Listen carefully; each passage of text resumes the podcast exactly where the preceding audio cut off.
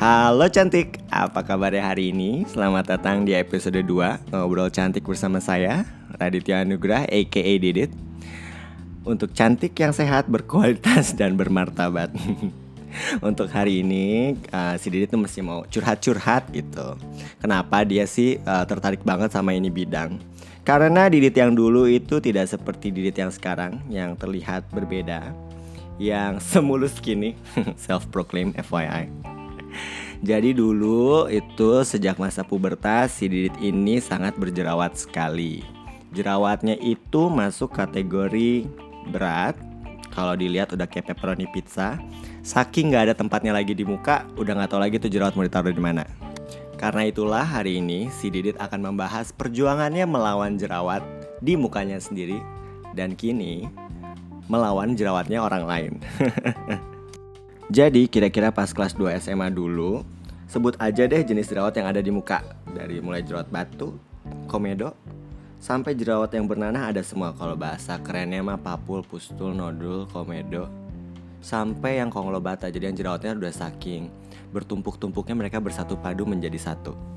Bukannya nggak diobatin Tapi udah keliling Indonesia untuk ngobatin ini di muka Mulai dari dokter yang paling ternama di kota hujan tempat si Didit ini tumbuh besar Sampai ke dokter yang franchise-nya udah si Indonesia Raya Tapi dulu harus dikejar dari Bogor ke Jembatan 5 Plus ngantrinya, jangan sedih. Lanjut lagi nyobain sampai ke Semarang yang katanya tokcer banget. Salon-salon kecantikan buat facial-facial juga udah dicobain. Tapi tahu kan apa yang terjadi kalau udah ngobatin jerawat? Mulai dari merah-merah, beruntusan, jerawatnya tambah banyak, kering, letek. Udah seminggu dicobain krimnya tuh apa yang dilakukan si Didit pas masih SMA ini? Ya tinggalin aja mana betah kok muka gue tambah parah yang ada. Nah itu tadi perkara pertama. Perkara berikutnya adalah pas nemu krim yang agak cocok, lumayan agak mahal sih. Pas obatnya habis mak gue yang teriak, obatin jerawat lo tuh bisa ngasih makan satu keluarga gitu buat satu bulan. Ya gimana lagi emang mak gue anaknya lima Lumayan juga duitnya. Belum lagi waktu itu kan udah mau naik kelas 3 Jadi bimbelnya minta tambah. Ya bimbel dulu lah baru jerawat kemudian. Jadi gue kasih tahu ya Jerawat gue itu baru beres kira-kira 2 tahun menjelang lulus kuliah. Loh padahal kan kuliah jurusannya Ya itu gitu.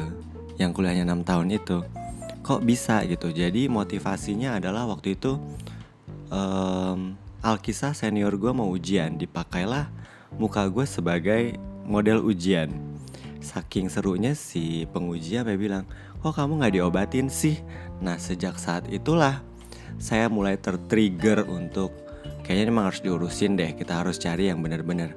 Akhirnya dapatlah satu orang dokter kulit yang asik banget gitu ngejelasinnya juga enak sesuai dengan saya yang waktu itu berusia masih 20-an gitu dan laki-laki yang males merah-merah kelupas-kelupas gitu. Tetapi ternyata dijelasin panjang kali lebar bahwa itu emang harus dijalanin.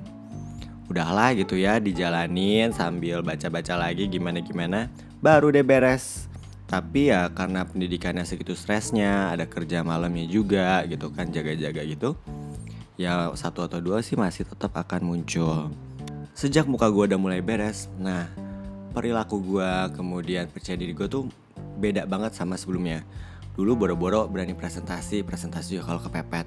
Ini maunya tampil lagi tampil lagi manggung lagi manggung lagi sampai suatu ketika berani-beraninya nih seorang Didit maju untuk pemilihan kayak ketua promnya deh gitu yang itu merupakan suatu program satu tahun. Dan setelah selesai si acara pelantikan ini si promnya ini akan menobatkan gue sebagai ketua alumni sampai kemudian hari. Intinya gue mau ngomong apa sih dari panjang kali lebar tadi Intinya jerawat itu penyebabnya banyak. Yang utama ada empat.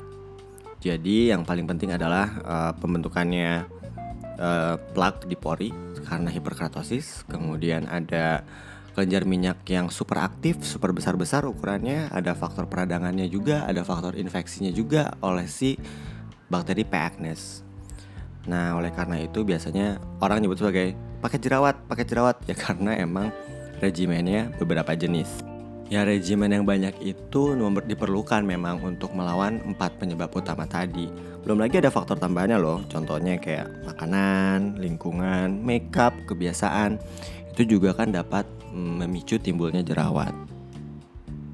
Tapi memang perlu diketahui bahwa jerawat pasti sembuh sendiri gitu. Sayangnya sembuhnya meninggalkan bekas. Nah, bekasnya ini yang susah kalau bekasnya cuma warna doang ya bisa hilang pelan-pelan. Atau kalau diobatin atau dikerjain sesuatu bisa lebih cepat. Tetapi kalau bekasnya udah bopeng nah kemungkinan untuk kembali mulus itu sangat sulit sekali gitu. Bahkan si penyembuhannya atau resurfacingnya maksimum cuma 80% hampir bisa dibilang kalau orang ada yang bilang bekas jerawat bopengnya bisa sembuh 100% tuh dusta ya jadi tips supaya berhasil ngelawan jerawat di mukanya ya memang harus sabar. Banyak baca, banyak tanya iya gitu bahwa jerawat itu penyakit ya dan namanya penyakit ya pasti pergi ya ke yang ahlinya which is dokter. Dan kalau ke dokter pasti ngasihnya obat dong gitu. Nah obat pasti ada cara kerjanya dan ada efeknya. Contohnya deh gitu antibiotik misalnya kalau diminum bisa menyebabkan perut terasa lebih perih, tapi bisa diatasin gitu dengan makan dulu nih sebelum minum obatnya untuk mengurangi efek tadi perih di lambung. Begitu pula krim di muka gitu. Ya memang awal-awal mungkin kerjanya bikin kering, bikin perih, tetapi ada yang bisa nolong, contohnya moisturizer. Jadi, tapi tanya dulu nih, kan jerawat men. Kalau dikasih asal moisturizer, terjerawatan lagi. Nah, ada yang ahli untuk bisa bilang yang mana sih yang bisa dikasih? Tapi yang udah dikasih si obat tadi jangan dihentikan. Karena hasilnya mungkin akan tercapai beberapa saat kemudian beberapa minggu bisa. Beda sama kayak makan cabai yang langsung pedes obat mungkin perlu waktu untuk bekerja. Nah sejak muka gue bersihan lah gue terinspirasi untuk kayaknya enak ya ketika membantu orang meraih kepercayaan dirinya yang lebih ekstra dan kualitas hidup yang lebih baik. Nah, di situlah gue terinspirasi untuk menjadi yang sekarang ini, ngebantuin orang ngeberesin mukanya. Dan jerawat ini uniknya adalah suatu penyakit yang mengajarkan kita untuk hidup lebih teratur, teratur cuci mukanya, teratur pakai krim-krimnya gitu, merawat wajahnya. Kemudian juga melatih kesabaran karena nggak ada yang instan dari ngeberesin muka ini. Biarlah yang instan minyak anak kosan aja gitu. Sama um, pinter-pinter mengatur budget karena sayangnya sampai saat ini ngobatin jerawat itu nggak murah tentu aja. Dan makan waktu jadi budgeting penting banget. Dari sebuah buku yang menjadi sebuah pedoman disimpulkan bahwa untuk merawat wajah itu cukup 4 step. Ada yang bilang 10 kan ya, 12 bahkan, tapi sebenarnya kelompok utamanya itu 4.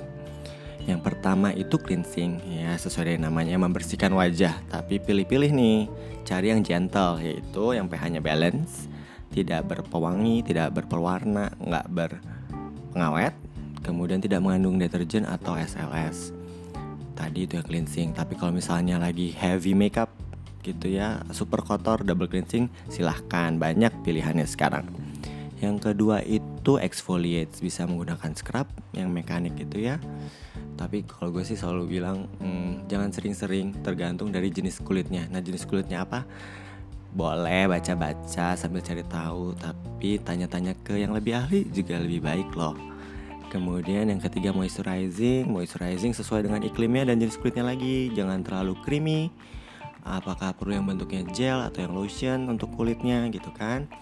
Sama yang terakhir ini protect dan korek Nah yang terakhir ini satu tahap yang sama nih. Kalau lagi ada yang harus dikorek Koreksi misalnya kayak ada spot treatment Jangan protect Protect itu menggunakan SPF Memang hmm, kalimat gue terakhir ini mungkin agak bertentangan Karena sebagian besar akan bilang Lo tuh perlu SPF Apalagi hidup di Indonesia Raya ini. Jadi demikian sesi kita hari ini. Semoga bermanfaat ya. Nah, jangan lupa dong di follow atau di subscribe mungkin. Ini podcast. Dan untuk episode-episode berikutnya mungkin ada masukan mau ngomongin apa lagi gitu. apakah episode berikutnya akan mengundang tamu? Nah, yuk simak terus di sini ngobrol cantik bersama saya Radityo Anugrah. Hari Anda semakin cantik luar dan dalam, me signing out. Bye.